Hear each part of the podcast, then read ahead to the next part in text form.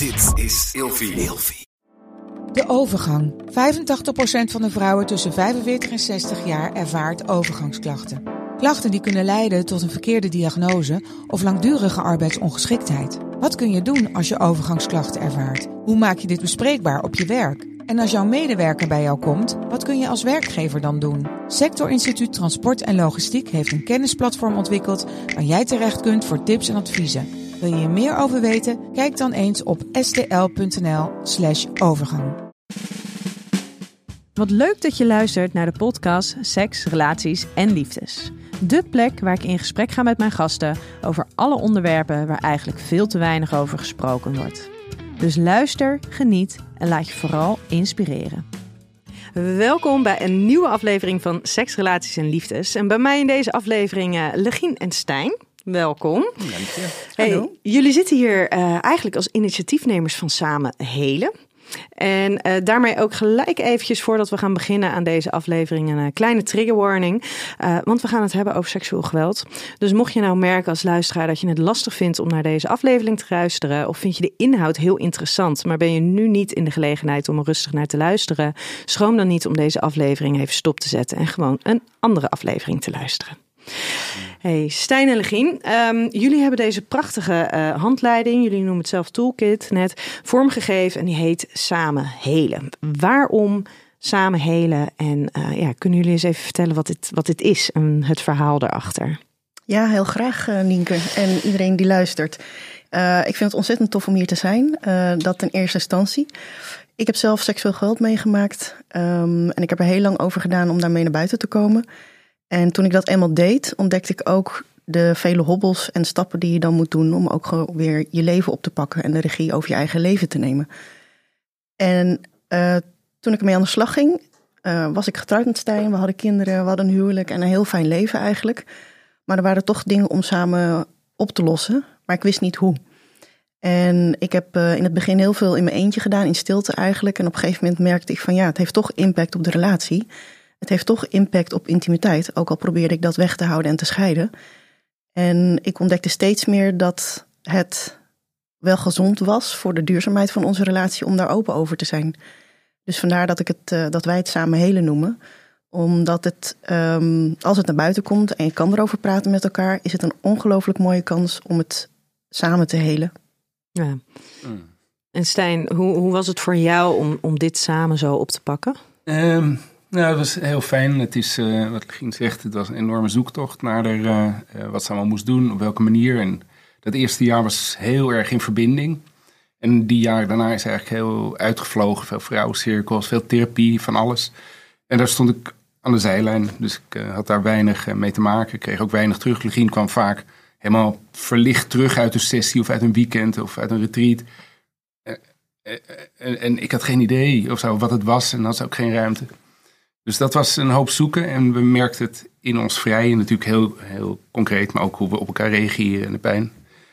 Dus ja, we, we misten een beetje, ik miste de hulp. En uh, daarom hebben we dit geschreven om liefdevol te laten zien hoe je kan steunen. Maar eigenlijk gaat het ook over de partner, van hoe kan je zelf groeien en hoe kan je zelf ontwikkelen in zo'n relatie. Want uh, het is niet zo dat je een hulpverlener bent, je bent gewoon een partner van een vol en mooi en bijzonder mens die sommige dingen heeft waar je wat meer rekening mee moet houden of kan ondersteunen. Maar uiteindelijk gaat het eh, om, om samen helen en ook ik zelf moet ook helen van zaken en daar daagt me toe uit. Ja, want dat wordt in mijn beleving ook wel eens onderschat. Dat als een van de partner een seksueel trauma heeft, um, dat dat vaak voor de ander ook een trauma wordt. De manier waarmee, waar dat hoe dat tot uiting komt binnen de relatie, de dingen waar je tegenaan loopt, de grenzen die je niet wil overschrijden, maar daardoor je ook op een hele andere manier toch gaat re reageren op dingen. Dus de hele interactie die verandert. Absoluut. En ik denk dat je de, in, de impact op seksualiteit en intimiteit, dat je dat wel kunt bedenken dat er impact is. Maar het gesprek wordt weinig gevoerd. Dus er echt over nadenken van ja, maar wat betekent dat dan voor je relatie of je leven? Dat is gewoon heel eng om over te hebben, want dat komt zo dichtbij. En ja, dat hebben we ook gezien. Uh, weinig ondersteuning daarin. Uh, zelf het wiel opnieuw uit moeten vinden. En het ingewikkelde was dat ik op een gegeven moment alle tijd en energie voor mezelf nodig had. Wat Stijn natuurlijk helemaal begreep. Maar ja, in een relatie wil je er voor elkaar zijn. Alleen ik kon dat niet voor hem Ja. Dus ik heb toen ook letterlijk gezegd, zoek je eigen of maak je eigen supportgroep. Maar dat was ingewikkeld. Ja, dat is ook ingewikkeld. En wat je dan natuurlijk ook vaak ziet, is dat als er dan uh, therapie gezocht wordt, dat dat vaak een vorm van traumatherapie is. Maar stel, het trauma wordt op een gegeven moment milder. Ja, daarmee is natuurlijk nog niet je seksualiteit geheeld. Nee. En ook de relatie is niet ineens geheeld. Nee, en ook als je in een relatie zit en er is geen seksueel uh, uh, geweld, misbruik of grensoverschrijdend gedrag geweest eerder. Het is gewoon uh, een leven waarin je jezelf ontwikkelt. Dus dat loopt ook door. Dus het is niet dat ik af was en dat je dan kan stoppen. Ik word natuurlijk ook gestopt in mijn doorgroei en, en moet daar actief mee aan de slag. En in mijn geval mijn dame dan, die doet van alles om zichzelf te ontwikkelen. Dus die groeit als een speer en ik sta daarnaast. Ik ben ondertussen aan het helpen, maar, maar ja, na een tijdje dan raak je toch achter. Um, wat ik ook over die, die triggers, wat je zegt, of dat, dat het best wel in, intens is om uh, de reacties van de anderen iets mee te moeten. Um, ja, ik denk dat dat is iets dat, uh, dat heel belangrijk is, dat je die ruimte inderdaad maakt, dat je het niet persoonlijk neemt. Um, en het op je tenen gaan lopen in een relatie, dat zie ik heel veel. Mensen die geen seks meer hebben of zichzelf ja, gaan haten of, of enorm voorzichtig omdat alles kan triggeren. Maar je kan er alleen doorheen komen als je op een veilige manier mag triggeren. En dat je oordeelloos daarmee om kan gaan. En, en het, ja, het, je lief zal getriggerd worden. En je kan er niet omheen. Want de ene keer is het een blik, de andere keer is het een aanraking of een woord. Het enige wat je kan doen is er ruimte voor maken. En die boosheid laten waar die vandaan komt. Maar er wel zijn in de, de opvang. Ja, en dan de veiligheid bieden. Het is oké. Okay. Ja. En ik zal niet je grenzen overgaan. Ja. Ja, want als die intentie er is en de intentie om het samen te doen en daar samen ruimte voor te maken en daar samen voor te gaan, um, nou ja, dan kun je ook ongemakkelijke, moeilijke en verdrietige situaties hebben. Uh, maar op eieren lopen, ja, het werkt niet om dat van beide kanten te gaan doen, want dan kom je er niet uit en dat, dat is niet helen. Nee. En ik heb jullie gevraagd om vijf woorden te bedenken die voor jullie gaan over seksrelaties en liefdes. Welke woorden zijn dat? Er werd er net al even eentje geroepen. Hè? Wil je me herhalen? Uh, of, uh... ja, voor mij is kwetsbaarheid de allereerste. Voor mij is het durf. Proberen te durven, durven uitreiken, durven proberen, durven beschikbaar te stellen. Dat, dat vond ik heel spannend, omdat ja, de reacties kunnen zo wisselend zijn. De ene keer krijg je heel veel liefde terug, en de andere keer krijg je enorme afwijzing. En dan toch die lef blijven houden om de ander te benaderen of open te staan, is voor mij een grote. Ja, dan is voor mij de derde jezelf durven laten zien. Ook weer durven? Ook ja. weer durven, maar dat kan ook heel kwetsbaar zijn. En als je die twee combineert, ja, dan, dan kan daar heel veel moois uitkomen, maar je moet het wel doen.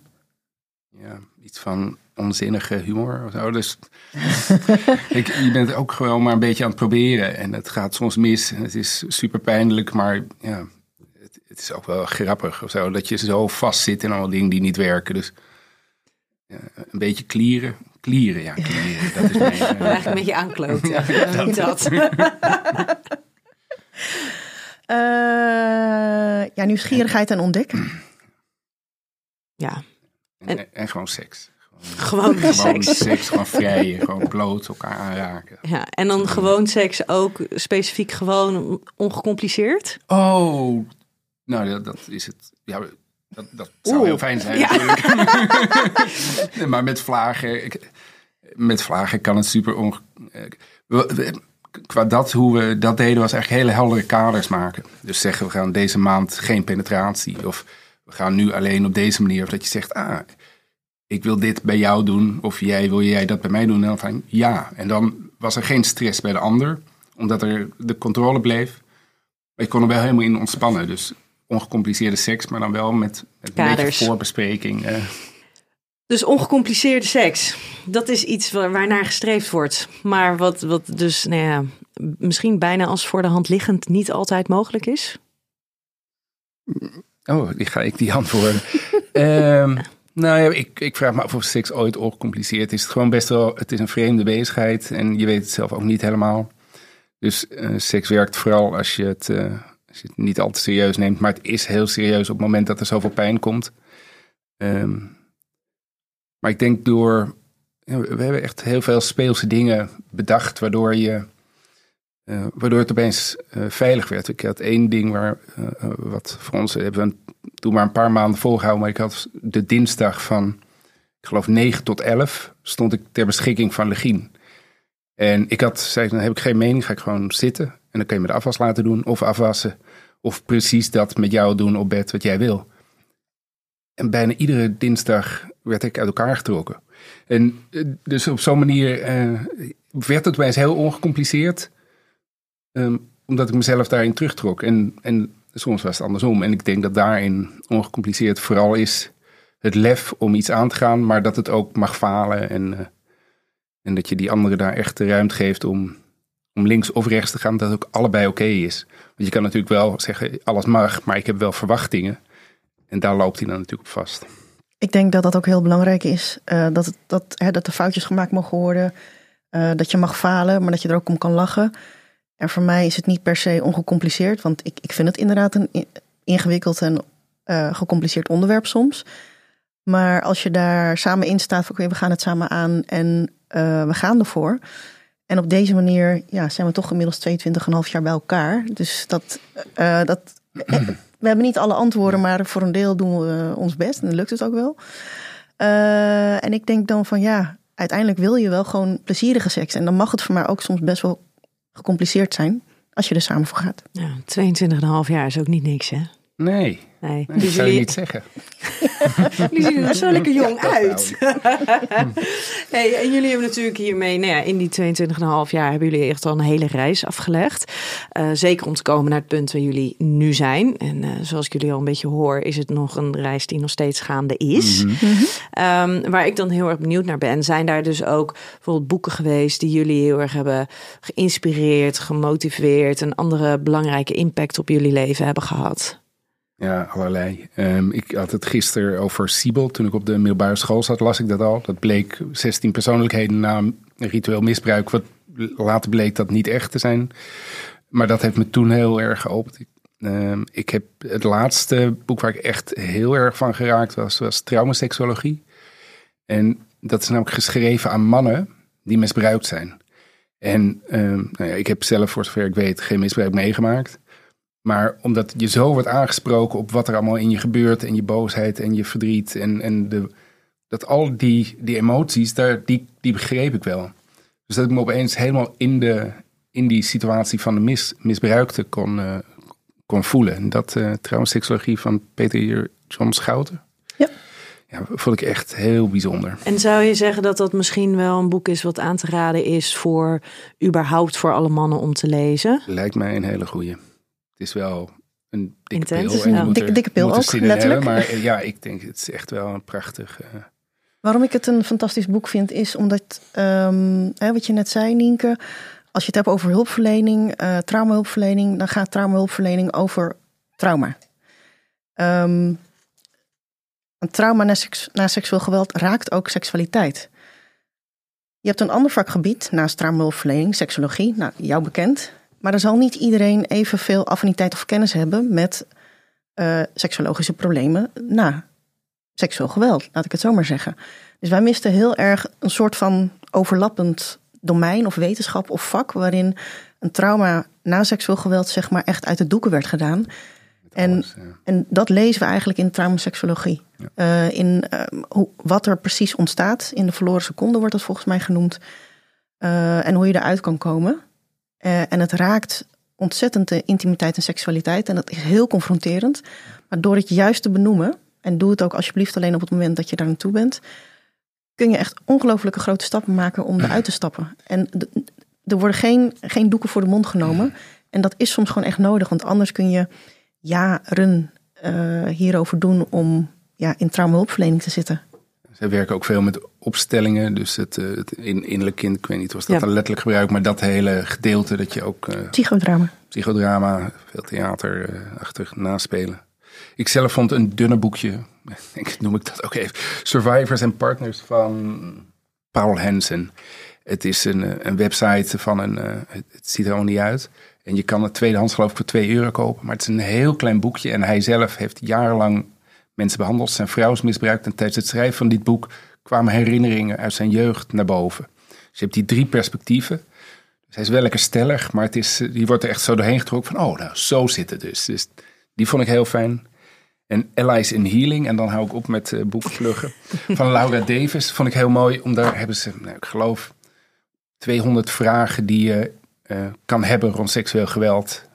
Wat moet je ermee, wat is het, waar het hoe raak ik ooit weer intiem? En dan hebben ze gewoon steeds in één à twee pagina's, geef eens even antwoord op die vragen. Ja. Dus sinds je met honderden vragen zit, heb je in ieder geval 200 dan, of 150 beantwoord. Ja, en denk, maar denken jullie dat daarin uh, uh, boeken um, een mooie bron van informatie zijn om juist tijdens dit hele proces aan antwoorden, inzichten en dergelijke te komen. Want Absoluut. ik kan me voorstellen dat je inderdaad heel erg op zoek bent naar manieren om het anders te maken, om het beter te maken, maar dat je die zelf niet voorhanden hebt. Therapie ligt ook niet altijd voorhanden voor het oprapen. Of als je eraan toe bent, kan je vaak niet direct beginnen.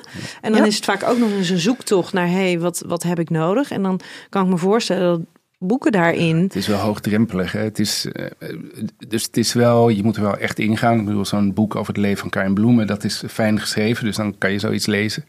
Hier moet je wel echt toe zetten. Ik denk dat podcast of luisterboeken of, uh, uh, of video's, dat is een veilige ingang. en boeken, dat ja, het vraagt, vraagt natuurlijk wel een enorme aandacht. Er zijn natuurlijk wel verschillende type boeken. Hè? Want uh, we hebben het afgelopen jaar ongelooflijk veel gelezen en gezien en gedaan. Uh, de boeken die jij noemt, dat zijn meer ja, onderzoeksachtige boeken. Meer, bijna wetenschappelijk zou, zou ik zeggen. Maar er zijn ook, heel veel uh, boeken geschreven vanuit ervaringsgerichtheid, vanuit ervaringsverhalen. En het is maar net waar je in je eigen traumaverwerkingsfase zit, om dat zo maar te zeggen. Waar je aan toe bent en wat je nodig hebt. En waar je als partner staat, dat kan ook verschillen. Dus ik denk dat er ongelooflijk veel moois te lezen is op de wereld. Vanuit Nederland, België, Amerika, uh, overal. En dat het de kunst is om te vinden wat, wat bij je past. En je vroeg net naar de boeken, uh, Nienke. Ik wilde toch nog eentje noemen. Mm -hmm. Want wat mij ongelooflijk geholpen heeft... en dat is niet direct trauma gerelateerd, maar wel over relaties... is het boek van uh, Lisette Tooft. Alchemie van de Liefde. waarin heel simpel gesteld staat... er is geen perfecte relatie. En daar gaat ze eigenlijk van af, want de perfectierelatie is eigenlijk die relatie waarin je allebei vanuit een begint zoals je bent, uh, met of zonder rugzak, met of zonder wat je dan ook hebt, maar dat je er samen aan werkt om verder te komen. En dat is het goud waar de alchemisten het vroeger over hadden, dat je iets moois maakt van dingen die, die je anders lelijk zou noemen, bijvoorbeeld. Uh, en dat je dus eigenlijk niet hoeft te zoeken naar die prins op het witte paard, maar dat je die kunt maken met elkaar als je die instelling hebt. En ik heb er weinig over gedeeld met Stijn, want het was vooral mijn persoonlijke ding om daarin te accepteren waar hebben we mee te maken, hoe komen we hieruit en blijven bij elkaar. Nou, die kwestie, die vraag is eigenlijk nooit geweest, blijven bij elkaar. Maar uh, het accepteren van elkaar en hoe je bent en jezelf daarin laten zien was voor mij heel waardevol. Ja, nee, dat, dat herinner ik me ook wel toen je dat boek las. Dat, uh, dat je heel zacht werd, ook naar mijn uh, gebreken en en was wel echt, ik dacht, hey, dit is... Dit, dit, dit is fijn. Lekker lezen dat boek. Denk jij nou, uh, ik wil ook dat mijn partner gewoon mijn gebreken gaat uh, accepteren en milder wordt. Neem dan vooral uh, even een kijkje op Storytel. Want op Storytel staan 300.000 luisterboeken en e-books. En er staan ook heel veel boeken over trauma's. staan inderdaad de persoonlijke verhalen over, over misbruikverledens. Maar ook zeker over, over de liefde. Um, en via storytel.com slash Nienke kan je nu ook nog eens 30 dagen gratis luisteren. Hey, ik heb voor jullie uh, acht, uh, vijf kutkeuzes. Hmm. Zijn jullie er klaar voor? Oh. Ja? Ik ben helemaal in thema. Ja, je bent helemaal in thema. Je, bent wel, je, ja, ja, je hebt de vulva-ketting heb jij om. Maar hij is wel in het zwart. Dus hij valt mooi net even weg bij, uh, bij je shirtje. Dan kan je ik heb ook de gouden. Ja? ja. Seksualiteit of intimiteit? Moet ik kiezen? Ja. Seksualiteit of intimiteit? Um, um, ja, intimiteit is, is, is, is, heerlijk, maar als dat betekent dat er niet meer gevreden wordt, dan ja, is het niet een beetje hetzelfde? Nee, is, je, je, moet, je moet kiezen. Seksualiteit of intimiteit? Weet jij het, Legien? Ik kies voor uh, intimiteit, want daaruit zou seksualiteit kunnen vloeien. En uh, voor mij is seksualiteit een vorm of een uiting van intimiteit. En voor mij is intimiteit uh, heel vervullend. Dan, dan doe ik seksualiteit omdat het gewoon super lekker is. Maar zou jij, eh, want dat is natuurlijk hè, bij intimiteit of seksualiteit, deze staat er natuurlijk niet voor niks in. Ehm, ik vind dat zo bijzonder dat in principe, als je kijkt naar intimiteit, ehm, intimiteit is zoiets intiems. Dat kan je helemaal niet met iedereen delen. Dat wil je helemaal niet met iedereen delen. Zeker. En als je dan kijkt naar het stukje seksualiteit, ehm, kunnen over het algemeen heel veel mensen met meer mensen delen. Eh, ja, dat is een beetje de definitie van seksualiteit. Voor mij is bevredigende seksualiteit wel eentje waarin je jezelf helemaal laat zien of durft te laten zien en daarin ook durft te voelen wat, wat het met jou doet. En dat is super intiem. Dus goede seksualiteit zit al intimiteit in. Komen toch bij elkaar. Nou, hè? Hey, strikte monogamie of een relatie met meer vrijheden? En wat is de vraag? Nee, je moet kiezen. Strikte monogamie, dus echt 100% ehm, alleen maar naar je partner toe eh, gericht in, in emotionele, seksuele en intieme zin. Of een relatie waarbij er in ieder geval wat meer ruimte is voor meer vrijheden dan dat. Ik ga voor wat meer vrijheid. Ik denk dat het eh, connectie maken in, in het leven naar heel veel mensen. En dat hoeft niet seksueel, maar het openstaan naar andere mensen. En dat kan dus ook in vrouwencirkels, in mannencirkels, met vrienden, met vriendinnen. Maar dat je, dat je jezelf echt laat zien en gezien wordt. Eh, het klinkt als je strikte monogamie, nou ja, als je het over penetratie hebt, is misschien een ander ding. Maar eh, ja, openstaan naar anderen, dat, dat kan je ook inspireren. Als je knuffelt met, eh, met iemand, dan kan je ook iets tegenkomen of zo. Dus ik, ik ga voor niet al te strikte monogamie dan. Ik denk eh, dat er voor iedere persoon, en ik hoop dan voor ieder koppel, als je een koppel bent, ehm, ja, een, een passende vorm is. En er zijn tegenwoordig eigenlijk altijd al, denk ik, ook vormen geweest met meerdere binnen een koppel ben je dan niet meer, maar Een troppel. een troppel of iets anders. Ehm, ik, ik denk dat we nu wel echt in een tijd zijn dat je meer kunt ontdekken. En dat, dat je met elkaar kunt afstemmen wat past en wat werkt. En dat, dat vind ik dan ook wel heel mooi nu van deze tijd. Ja, maar ergens hoor ik daarin ook van ja, dat, dat monogamie, dat is, eh, dat is gewoon een vorm waar mensen voor kunnen kiezen. Ja. Maar dat het wel heel erg mooi is als je in ieder geval samen wel de ruimte hebt om überhaupt eens te ontdekken of er iets anders is wat bij je past dan monogamie. Nou Waarbij- ja, kijk dat je dat al bespreekt. Hè, want dat is ook wat bij ons is gebeurd. eh, als je op een gegeven moment na mijn traumaverwerking ik over seksualiteit ben gaan nadenken. Toen begon het echt over verlangens en behoeftes te hebben. eh, en ons durven laten zien. Ehm, hè, je hoeft niet alles te doen. Sommige fantasieën zijn ook fantasieën. Maar dat bespreken, dat is al ongelooflijk intiem. En dat, dat, is, dat is al ongelooflijk waardevol, denk ik. Ja. Praten of dansen met een ander om de verbinding aan te gaan. We, we willen het liefst dansen altijd, maar het komt vaak op praten uit. Maar dus we gaan voor dansen. Het komend jaar wordt het te dansen. We hebben veel tango gedaan. Dat was voor ons een heel erg verbindend ding. Totdat we merkten één keer per week dat we niet in verbinding waren. Toen zijn we weer gestopt. Omdat het Toen was het eigenlijk relatietherapie. Toen werd het, ja. Maar eh, nee, dansen vind ik wel... eh, Ja, we zijn dansend bij elkaar gekomen ongeveer. Nou ja, Dus ja, dit- we hebben in de begintijd ongelooflijk veel gedanst in onze studententijd. Ja? Dus dat is wel echt Dus deze is heel passend voor jullie. mm. ja, Ja. heel passend, absoluut. Ja, oh, Ja, leuk. ging kan ook uren alleen dansen. Die geef je bij een technofeest aan de dansvloer af en dan haal je er vier uur later weer op. Dat, eh, En wat ga jij in die vier uur doen? Nou ja, sinds ik eh, eh, niet meer al te veel drink en rook, eh, me vervelen meestal.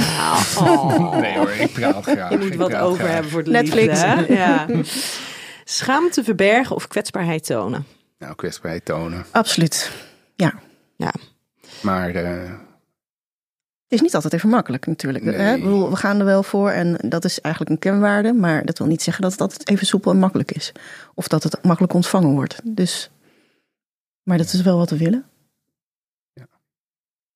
Samen trauma verwerken of individueel trauma verwerken. allebei. Dat is echt iets dat je echt allebei moet doen. Want ik kan sommige dingen voor Legie niet. Die moet ze met vrouwen, die moet ze alleen. Die moet ze met een spiegeltje, die moet ze met, eh, met een therapeut.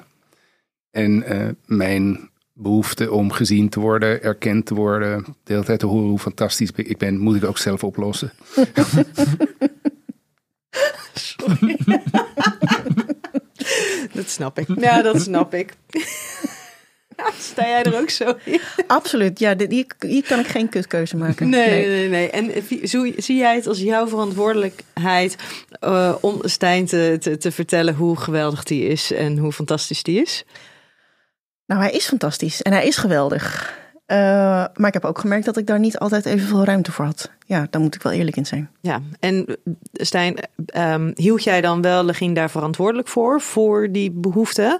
Of kon je, heb jij geleerd om die ook elders vervuld te krijgen? Ehm, soms meer, soms minder. Ik, eh, een, een, een, eh, een boosheid een, eh, die ik niet helemaal. Ja, ik ga er niet altijd goed mee om. Maar met vlagen gaat het echt supergoed. Dat is heel erg fijn. hey, ik heb vijf eh, stellingen voor jullie.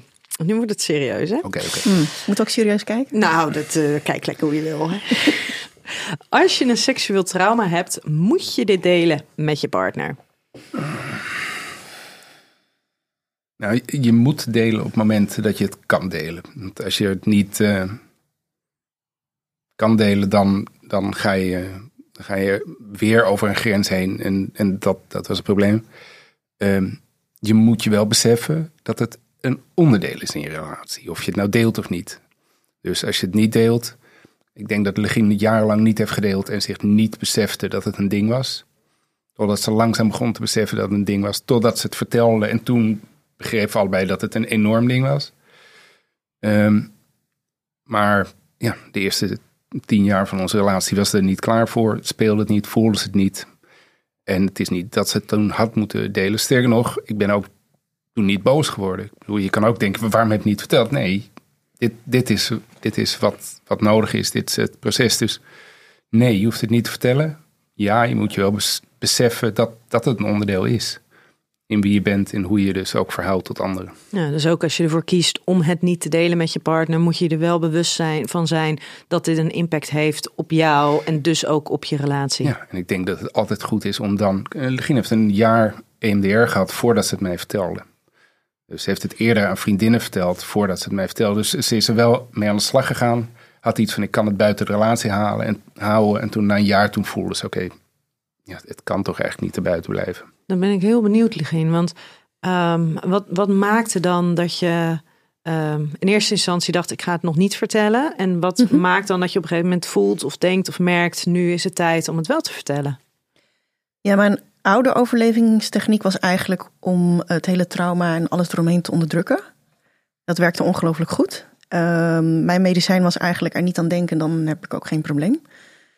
Eh, ondertussen ben ik lekker hard gaan werken, eh, getrouwd, kinderen gekregen en huis gekocht. Dus het leven ging gewoon door. Kostwinnaar. Ehm, ja, ook dat. Ehm, ik denk dat ik een aantal momenten in mijn leven eh, triggers had, situaties, waardoor ik besefte van, hé, hey, wacht even. Shit, er is toch iets wat ik niet aangekeken heb. Ik, ben, ik heb bijvoorbeeld bijna een ongeluk gehad op de snelweg, bijna aangereden door een eh, vrachtwagen. En het was heel cliché, maar op dat moment dacht ik, shit, ik heb een geheim en dat wil ik niet zo mijn graf in meenemen. En ik kreeg daar toen bijna spijt van. En het voelde echt als een tweede kant van, nu mag ik er iets mee gaan doen. Alleen dat heeft toen nog wel eh, langer dan een jaar geduurd om er echt iets mee aan de slag te gaan. Want ik wist dus niet hoe of wat. Ehm, en na EMDR, toen kon ik in ieder geval over praten zonder stress te krijgen, zonder in de paniek te schieten. Heb ik autonomie gehad. En toen is ook ter sprake gekomen van, ja, hoe sta je erin om het met je partner te delen? En toen zei ik, nou ja, weet je, als ik dit gewoon in mijn eentje kan oplossen en fixen en ik heb een pleister. En hij hoeft dat verdriet niet te dragen, want daar was ik ongelooflijk bang voor. Dat hij verdrietig in depressie zou schieten, uh, in paniek, uh, niet, niet meer uit zou komen. Want Stijn is een hartstikke fijne man, maar hij heeft ook emoties en is emotioneel. En ik dacht, dat kan hij niet dragen. Nou, toen kreeg ik de vraag, maar wie ben jij dat jij dat voor hem beslist? En toen dacht ik, ja, oké, daar heb je wel gelijk in, maar ik heb er wel mee te dealen als dat dan mee naar buiten komt. En toen kwam de vraag: heb je vertrouwen in je relatie dat jullie dit aankunnen? Nou, daar heb ik wel eerst echt over na moeten denken van, hè, wat bedoelt ze? En toen dacht ik, nou, eigenlijk wel, nu. Maar dan moet ik het ook doen.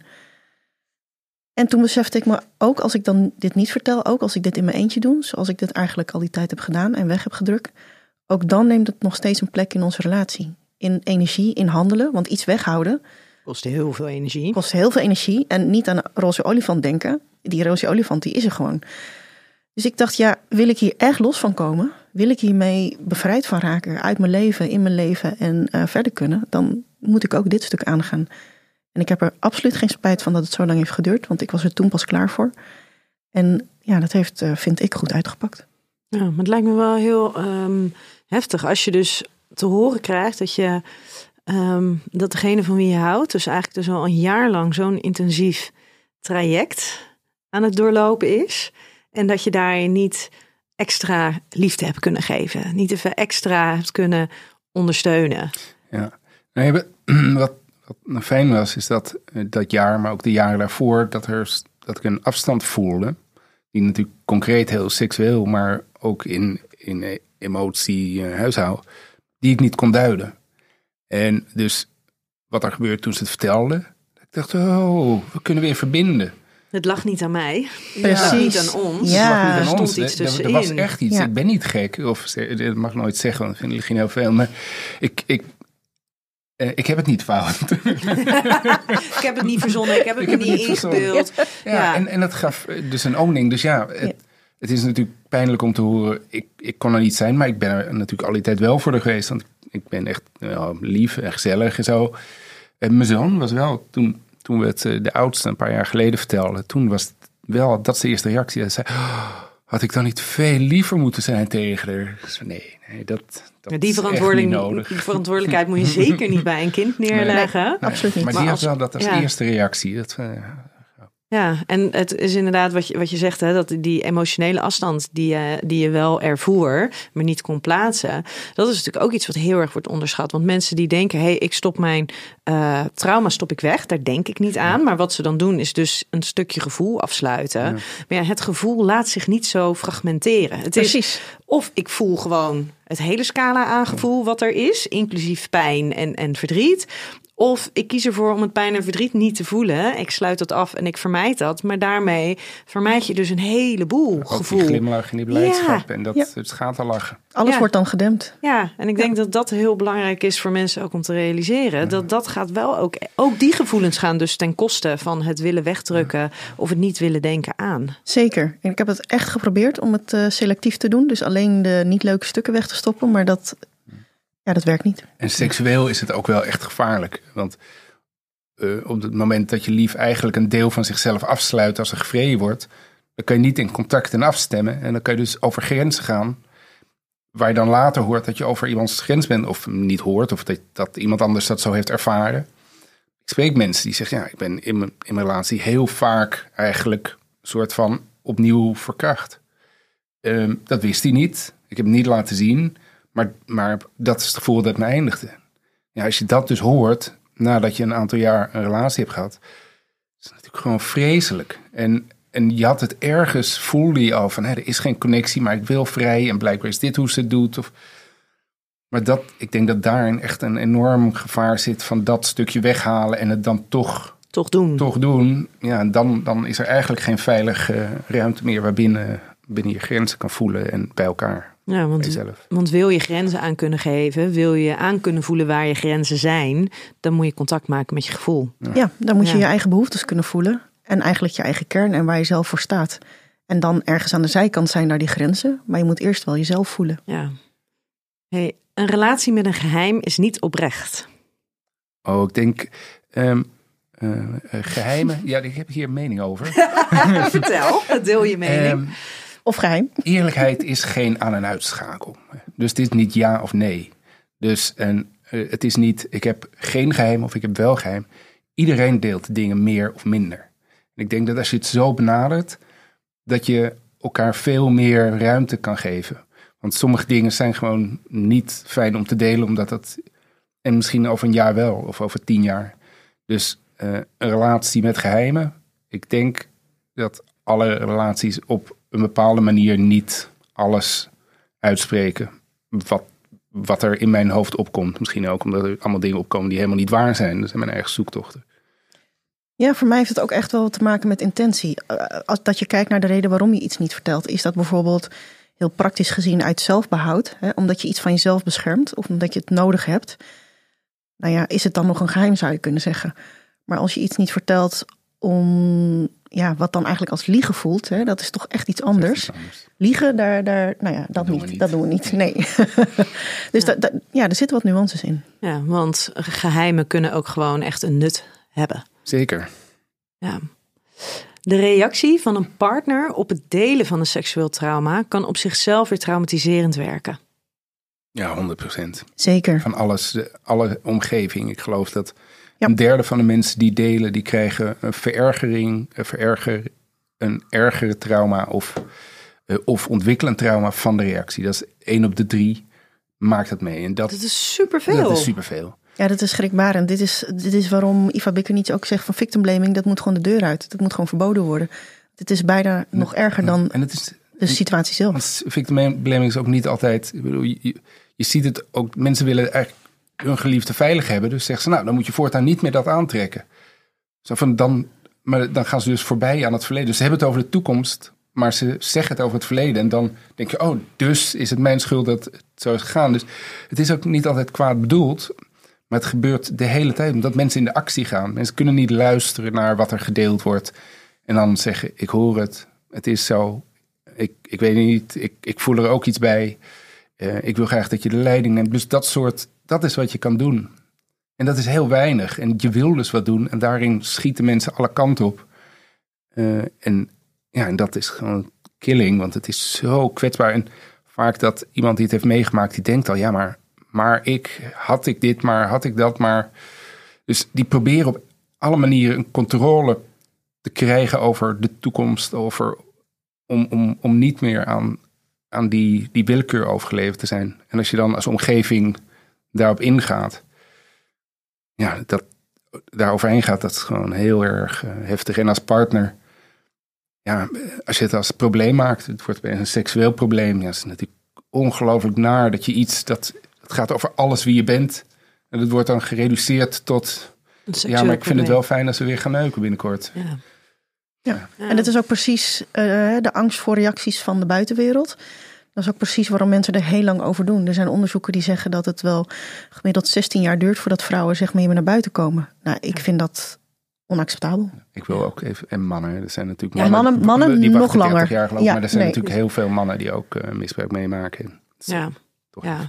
Nou ja, en dat is sowieso, hè, want je noemt het net al eventjes victim blaming. Victim blaming, dat betekent dat eigenlijk als er dus zo'n situatie zich heeft voorgedaan, dat dan de verantwoordelijkheid ervan bij het slachtoffer wordt gelegd. Mhm.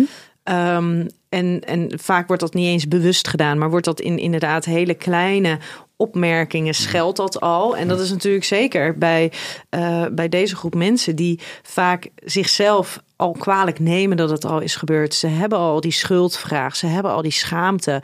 En juist hetgene wat, wat zij nodig hebben is horen: jij was niet fout. Precies. Jij hebt niks gedaan. En als dan hetgene wat ze te horen krijgen is, ja, je had er dus wel een verschil in kunnen maken. Jij had iets kunnen doen waardoor dit niet was gebeurd. Klappen ze weer dicht. Klappen ze weer dicht. Want dat is dus een bevestiging wat ze al die jaren dus hebben gedacht. dat is het. Precies. Het zit heel diep en dat is precies, je hoeft maar iets kleins te zeggen, dan trigger dat al die dingen weer. En dat is natuurlijk ook wat eigenlijk wat, wat slachtoffers van, van dan wel van seksueel grensoverschrijdend gedrag, dan wel van seksueel geweld of misbruik, uh, denk ik wel anders maakt dan met uh, heel veel andere groepen die met, met dingen rondlopen. Is dat heel veel andere groepen mensen die willen niet als slachtoffer gezien worden. Maar ik denk dat deze groep mensen eerst als slachtoffer erkend moeten worden. Zichzelf. Voordat ze kunnen gaan helen. Er is een fase waarin dat zeker absoluut essentieel is. Om afstand te kunnen nemen van de verantwoordelijkheid die ligt bij jou als slachtoffer. Dat klopt. Ik, maar het is wel een gevoelig woord en gevoelig onderwerp. Uh, toen ik dit met Stijn gedeeld had, nou, toen zei hij op een gegeven moment: Ik noemde het heel anders en Stijn noemde wat het was. En ik zag mezelf absoluut niet als slachtoffer, want ik was dus de succesvolle IT-carrièrevrouw. En ik vond dat ik alles zelfstandig moest doen en moest kunnen. Maar vlak daarna is toch wel de fase gekomen dat ik dacht: van ja, maar wacht even. Ik heb het niet gedaan, de ander is schuldig mag ik even accepteren dat iets mij overkomen is? En dat is natuurlijk helemaal niet normaal in Nederland dat iets je overkomen is en dat je er niks aan kon doen. Want we leven in een maakbare samenleving. Maar ik heb die fase nodig gehad om toch te beseffen van, ik, oké, ik was slachtoffer, ik mag hulp ontvangen. En nu voel ik me dat niet, absoluut niet meer. Nee, precies. Nee, maar want dat wil niet zeggen dat je voor altijd slachtoffer blijft. Je bent slachtoffer geweest in die situatie. En Ja. dat is denk ik wel een groot verschil. En ik denk inderdaad dat het ook heel erg belangrijk is als je het hebt over dat helens- helende proces. Dat je jezelf op een gegeven moment ook voelt veranderen in dat proces. Van oké, nu mag ik even slachtoffer zijn. Nu mag ik even die verantwoordelijkheid bij iemand anders neerleggen. Ehm, en mag ik eventjes even die hulp en die troost ontvangen. En daarna ga ik weer die, stu- dat, die regie weer zelf pakken. En ga ik weer groeien en sterker worden. En, en ben ik inderdaad niet meer het slachtoffer. Maar is het iets wat ik heb meegemaakt. Prachtig, prachtig gezegd. En ik wil toch ook eh, nog noemen, eh, seksueel geweld, grensoverschrijdend gedrag, is natuurlijk ook een lijf bij betrokken. Dus op het moment dat je als slachtoffer bent aangeraakt, heeft dat iets met je gedaan. En dat is een gevoel dat ook in positieve setting misschien wel opwinding of, eh, of, of spanning. Of, en daarin een soort van, je lijf was, was erbij. En dan wil je dus de verantwoordelijkheid bij de ander leggen. Maar dat betekent dus ook dat je iets met, met, Met je eigen ja. reactie in je lijf moet. En daar, daarin denk ik dat het slachtofferschap heel belangrijk is. Dat je, dat je niet je, je hoofd en je lijf gaat scheiden, maar dat je één bent. En dat je ook accepteert dat je lijf ook aanwezig was. eh, en reageerde. En dat het toch nog steeds iemand anders kan zijn die, die het je heeft aangedaan. En ik heb een aantal mensen die hebben misbruik zonder dader. Dus, of, dus dat is iemand die het niet wist. Of eh, die, eh, waar het eigenlijk toen ze heel klein waren, in consent was. Alleen ze waren veel te jong en heeft het eh, trauma. Of iemand die is geestelijk, die, die heeft een achterstand. Dus allemaal. Dus dan kan je het ook niet bij de ander leggen. Maar je moet het ook niet bij jezelf leggen. Dus ook het, het slachtofferschap eigenlijk zonder de dader te focussen. Maar gewoon dat jij, dat jij het jou mag zijn overkomen als een individu. Ik denk dat daar zit een enorme zoektocht die ik zie. Ja, wat nou? Wat doe je met die verantwoordelijkheid als er geen dader is Ja, om die verantwoordelijkheid ja om neer te boos op te zijn. Ja. En, eh, en uiteindelijk moet je het in je eentje oplossen. Want die dader is ook nog alleen maar een gedachte. En het is natuurlijk echt totaal... Voor mij is de dader totaal onbelangrijk. Het is wat het met Legine heeft gedaan wat voor mij van belang is. Ja. En dat is waar je de regie over kunt nemen over de dingen die je kunt doen en wilt doen voor jezelf om te helen. En om je leven op de rit te krijgen. Ja, Hey, en dan ben ik benieuwd eh, ook in die lijn naar de volgende. Na een seksueel trauma is er nauwelijks nog kans op een gezonde seksuele relatie. En ze Stilte. keken elkaar lachend een soort van aan. Ik ben oneens. Oneens. Maar het is heel hard werken. Ja, Het is heel hard werken. Ja. Ja, eh, in mijn geval jaren van traumaverwerking. En dan parallel daaraan ook nog een vorm van intimiteit vinden. Wat Stijn al noemde, die voorbeelden.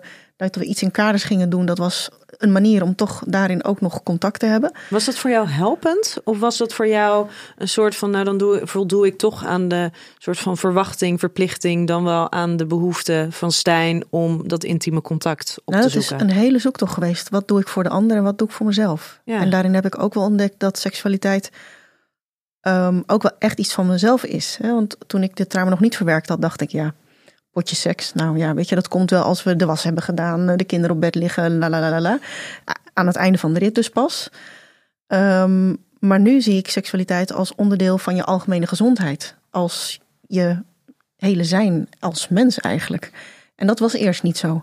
En dat besef, dat heb ik gekregen toen ik ben gaan ontdekken van ja, wat doe ik voor mezelf en wat doe ik voor de ander en wat vind ik zelf fijn en wat vindt de ander fijn.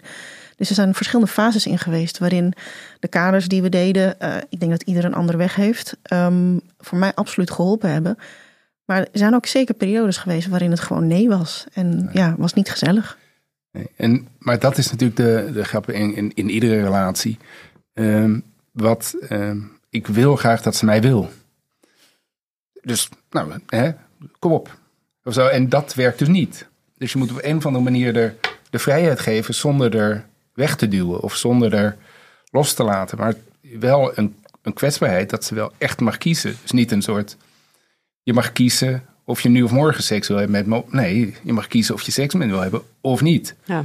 En, en dat is natuurlijk enorm zoeken. En dat is. eh, eh, en het leuke is dat soms gaat het heel goed. En denk je, oeh, dit was eigenlijk veel lekkerder dan, dan die andere manier. Ehm, Maar ja, het, het vraagt een hoop van allebei dat je daarin. eh, dat je de druk op een of andere manier eraf weet te halen. En Ja. dat is gewoon enorm zoeken. Maar nee, we hebben echt. eh, ja, het Legine heeft natuurlijk ook de lijf veel beter leren kennen.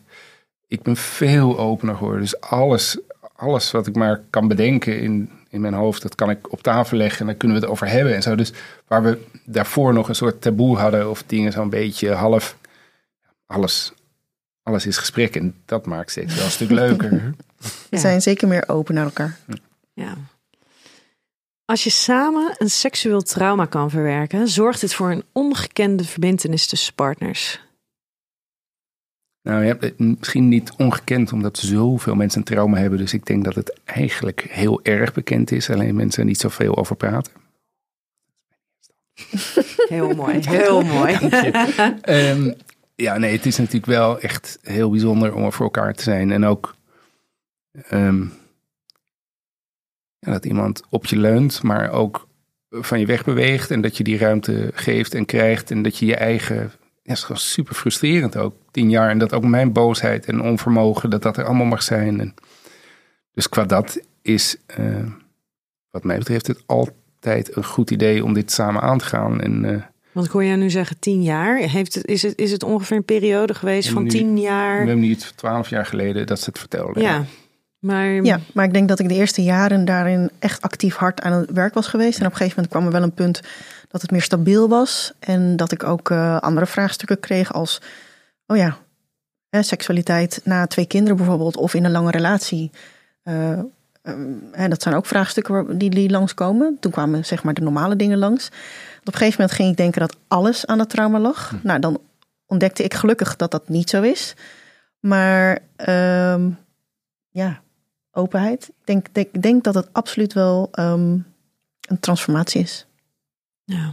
Ja, het is, het is ook zo dat je ook bij elkaar komt, om eventjes eh, in een relatie, is natuurlijk omdat er een dynamiek zit. Ik heb iets nodig in een relatie en zij heeft iets nodig in een relatie. Daarin vind je elkaar. Ik vind iets mooi en aantrekkelijk. Zij heeft- En een deel daarvan is haar trauma, want dat is een deel van wie ze is. Dus je kan wel zeggen van, oh, nou krijg ik iemand en die heeft opeens seksueel geweld meegemaakt. Ga ik iemand anders zoeken. Maar er is iets waarom je elkaar aansluit. En er is dus ook een reden, ehm, nou ja, waarom, waarom jij misschien ook weer wat kan leren van de ander. Want je valt op een, op een nou ja, het klinkt niet aan, een soort deformatie. Of, of een, Pakket. ja, je, maar ook op, op de wonden. En als je, als je daar naar aangetrokken, als je heel erg graag zorgt en de ander heeft heel veel zorg nodig, is het natuurlijk fijn als je zelf ook wat minder zorg gaat zorgen. Dus het is ook in die dynamiek en daarin denk ik dat je in een relatie heel veel kan leren. Ehm, en je past bij elkaar en anders val je op iemand anders die hetzelfde beginsituatie heeft. Maar, maar je partner kan gewoon veel gelukkiger zijn als hij dat trauma aangaat. En om dat samen door te gaan, ja, dat is denk ik wat een relatie is. Dat is wat het leven is. Samen Ja, groei je ergens in. Maar denken jullie dat elk stel in staat is om samen een trauma te verwerken? Een dergelijk trauma te verwerken? Want het is ook wel heel ingewikkeld. Want het is net al wat je, wat je aan het begin zei. Dat Legindi is de eerste jaren is heel veel therapie gaan doen. Heel veel groepen. Heel veel. Nou ja, we gaan ontwikkelen als mens zijnde. Jij stond erbij en, en, en keek ernaar. Ehm, dan, dan ontstaat er dus al een discrepantie in, in het tempo waar jij in aan het, aan het ontwikkelen bent. Ehm, je gaf ook al aan van ja, ik wilde er de ruimte geven, maar ik wilde er ook niet kwijtraken. Dus daar zit ook nog een soort van spanningsveld. Van ga alsjeblieft en doe je ding. Eh, maar kom alsjeblieft wel terug. Ja. Blijf wel hier. Ja, blijf wel hier. Ga niet weg. Hey, dat zijn natuurlijk enorme spanningsvelden. Zeker. Waarbij je wel in staat moet zijn ook om dat te verdragen. Want volgens mij moet je een heleboel verdragen. Je moet het verdriet van je partner verdragen. Je moet je eigen frustratie, verdriet, je eigen machteloosheid moet je verdragen. Je moet het niet om jou laten draaien, want het gaat om jou. Eh, maar tegelijkertijd, het is jullie relatie, het is jouw leven. Dus het mag ook om jou gaan. Zeker. Dus dat, dat ja. Zeker. Dus mijn antwoord is in potentie ja.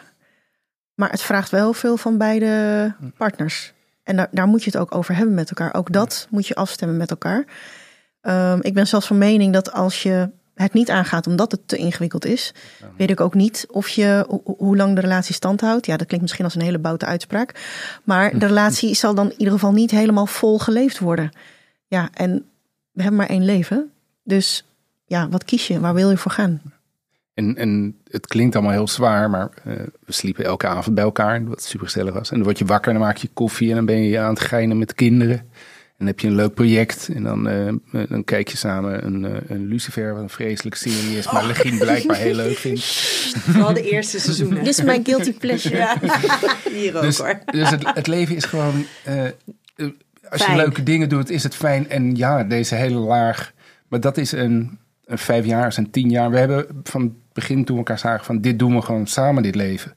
En dat geeft een hoop rust om, om wel die kleine dingen te blijven vieren zonder de hele tijd op dat, die grote pijn te, te harken. Dus je horizon wat verleggen en in het moment meer leven dan is er prima doorheen En dat je daar heel bewust eigenlijk die balans op zoekt tussen en, en het, de, de, de zwaarte, maar ook juist het lichte en het fijne en het in het meer in het hier en nu. Zeker, ja. ja. dat is een soort van buffer. Kijk, als je van je als je allebei weet dat je een buffer en veerkracht hebt, dan zou ik zeggen ga ervoor.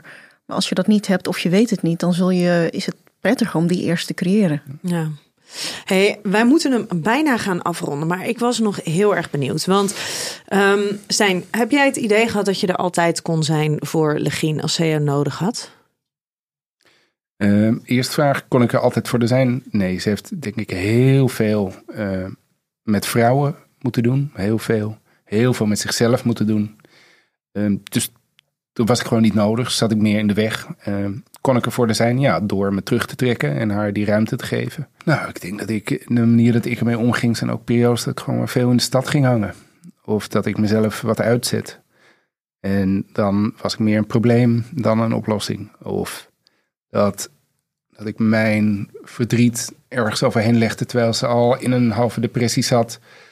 Waardoor ze dan eigenlijk daarmee wel stoppen of met helemaal stoppen en, en focus naar mij, maar echt die energie niet had. Waar ik dan weer nog meer mijn emotie op legde. Dus daarin uh, was ik er zeker niet voor. Um, maar ja, ik gewoon proberen. En voor een keer doe je het weer anders. Dus uh, kon ik altijd zijn.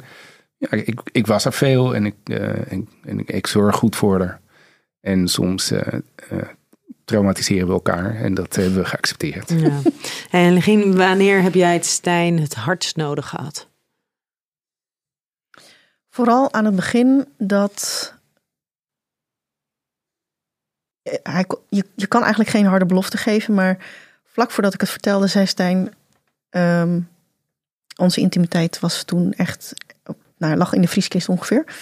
Um, en Stijn zei: Ja, ik weet het niet meer. Ik ben niet gelukkig. We moeten hier uitkomen, maar hoe gaan we dit doen? En toen zei ik: Ik weet niet of dit ermee te maken heeft. Ik wil het vertellen. Uh, nee, ik ga het vertellen. En toen zei Stijn: Wat het ook is, ik blijf bij je. Ik ga niet weg. En ik denk dat ik op dat moment dat het alle, alle, allerhardste nodig had. Dat ik niet afgekeurd zou worden, niet veroordeeld.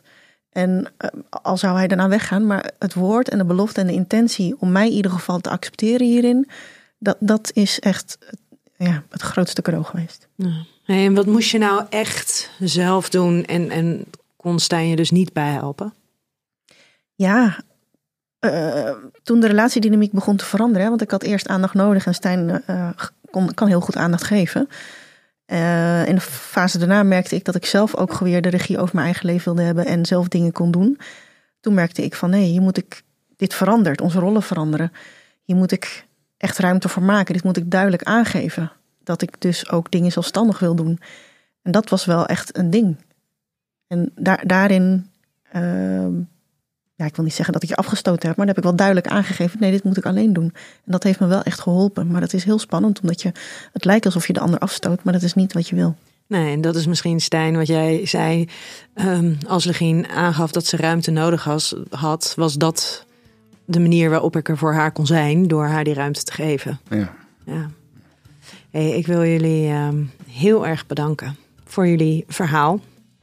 Uh, dat jullie deze ervaringen wilden delen. Want ik denk dat er heel veel mensen zijn die met de handen in het haar zijn. En denken, ja, wat, we moeten er iets mee, maar we weten niet wat we ermee moeten. In de show notes eh, gaan we in ieder geval ook jullie, uh, jullie toolkit, uh, toolkit zetten, samen helen. Want die kan je gewoon gratis, kan je die aanvragen. Je kan hem gratis downloaden, online lezen en je kan hem ook bestellen. Maar... Hij is heel mooi. Ik vind het, het, ziet, het ziet er heel mooi uit en het is heel mooi materiaal. Dus ik zou hem zeker aanvragen. Zullen we niet een paar weggeven? Oh, dat kunnen we helemaal doen. Dat lijkt me hartstikke leuk. Dat gaan we doen. In de show notes. In de show notes. We gaan er een aantal weggeven. Um, ben je op zoek naar antwoorden? Uh, je, kan, uh, je kan denk ik een heleboel antwoorden vinden in, uh, in het samenhelen pakketje. In de show notes staan dus de gegevens naar het samenhelen materiaal. En ook de link van Storytel, waarmee je nu 30 dagen gratis kan luisteren naar 300.000 verschillende luister- en e-books. Die, uh, die staat ook in de show notes. Dus nogmaals, dank jullie wel. Ja, jij ook. En, Dankjewel uh, dat we hier mochten zijn. Graag gedaan. Mijn lieve luisteraar, tot volgende week bij een nieuwe aflevering van Seks, Relaties en Liefdes.